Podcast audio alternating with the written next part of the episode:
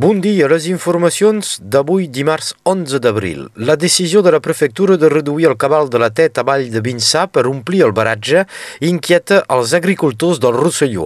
El prefecte explica la seva decisió amb la voluntat de constituir una reserva d'aigua en primer lloc per lluitar contra els incendis i també per anticipar una probable penúria d'aigua potable al juliol i l'agost quan la població de Catalunya Nord es multiplica amb l'arribada dels turistes.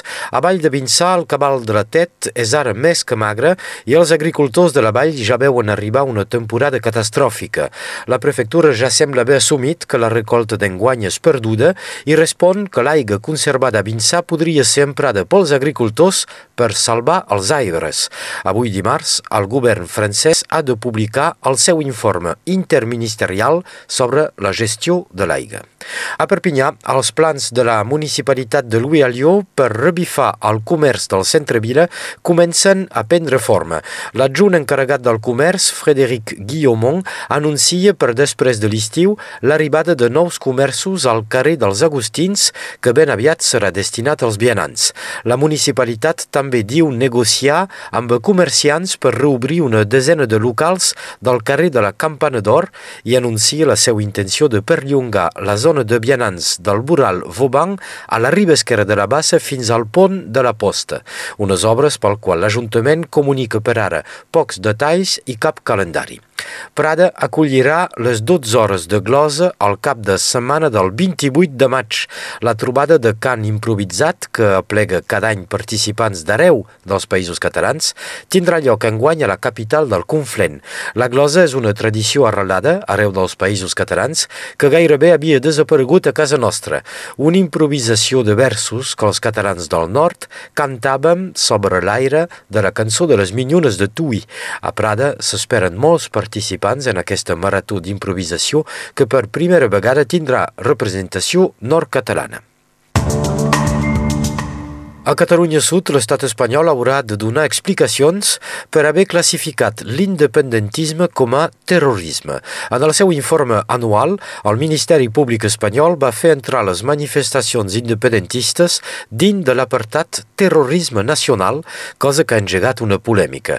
En el detall de l'informe, l'estat espanyol descriu l'independentisme català com una xarxa genuïna, coordinada i dinàmica dedicada a la violència de carrer. La senadora d'Esquerra Republicana, Laura Castell, ha formulat una bateria de preguntes al Senat que van dirigides al president espanyol, Pedro Sánchez, per tal que respongui sobre el contingut d'aquest informe.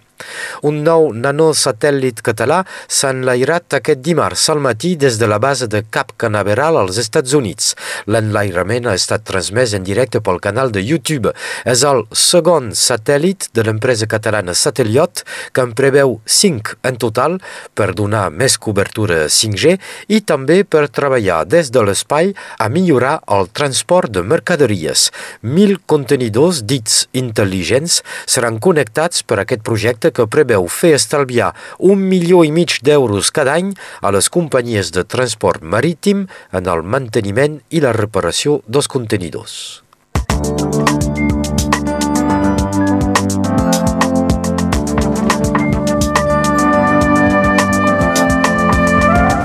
Gràcies, Sebastià. Passem ara a l'informació del temps amb l'Albert Noguer.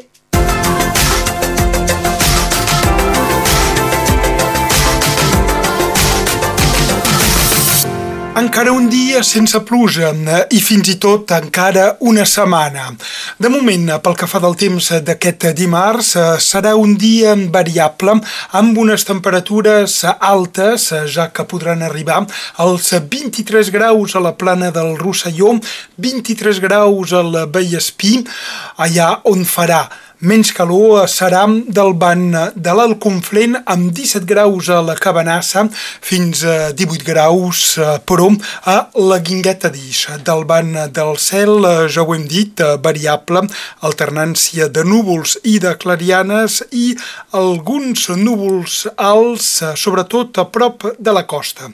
Demà dimecres, pocs canvis, potser els núvols un poc més nombrosos durant la tarda i les temperatures podrien baixar lleugerament tot just d'un o dos graus pel que fa tant de les mínimes com de les màximes.